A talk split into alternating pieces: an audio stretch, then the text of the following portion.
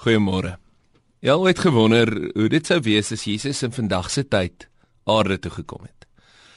Sou ons stadions volgemaak het of mighty men konferensies gehou het met Jesus en wie sou die mense wees wat vandag kom luister het, vandag na hom toe gekom het om te hoor wat hy te sê het? Dit is interessant as jy teruggaan en gaan kyk in die tyd toe Jesus wel op die aarde was, wie dit was wat na hom kom luister het, nie altyd staatsamptenare of heilige mense nie. Die realiteit is die mense wat na Jesus kom luister het, was baie keer die wat deel was van die rofste partytjies, die tollenaars, die sondaars, die wat ver van God af was. Dis interessant. Markus hoofstuk 2 en vers 15 sê daarna het Jesus na Levi se huis gegaan. Baie tollenaars en sondaars was saam met hom en sy disippels aan tafel want daar was baie van hulle wat hom gereeld gevolg het. Dit is interessant dat die verkeerde ouens, die tollenaars en die sondaars na Jesus toe gaan. Op 'n ander plek in Lukas 15 gebeur dit dan ook so. Dit sê van vers 1 af die tollenaars en sondaars het almal die gewoonte gehad om na Jesus te kom luister.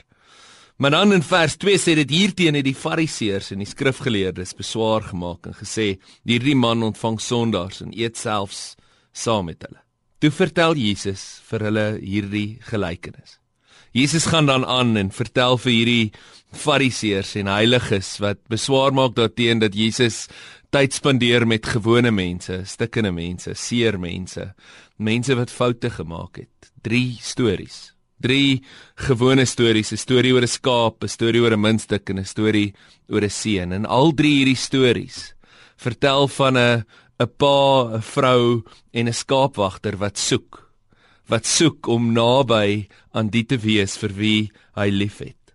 God is lief vir ons en het 'n begeerte om naby aan jou te wees. Mag dit wees in hierdie dag dat jy weet ten spyte van jou foute, ten spyte van jou droogmaak, ten spyte van dit wat jy miskien die merk gemis het van God se plan vir jou lewe, is Jesus op soek daarna om in hierdie dag in elke oomblik naby aan jou te wees. Here ons dankie vir die voorreg wat ons het om te weet dat U 'n God is wat lief is vir ons en begeer om in elke oomblik van elke dag en elke lewenskrisis en elke moeilike situasie naby aan ons te wees. Mag ons vandag bewus wees van U teenwoordigheid in elke oomblik. Amen.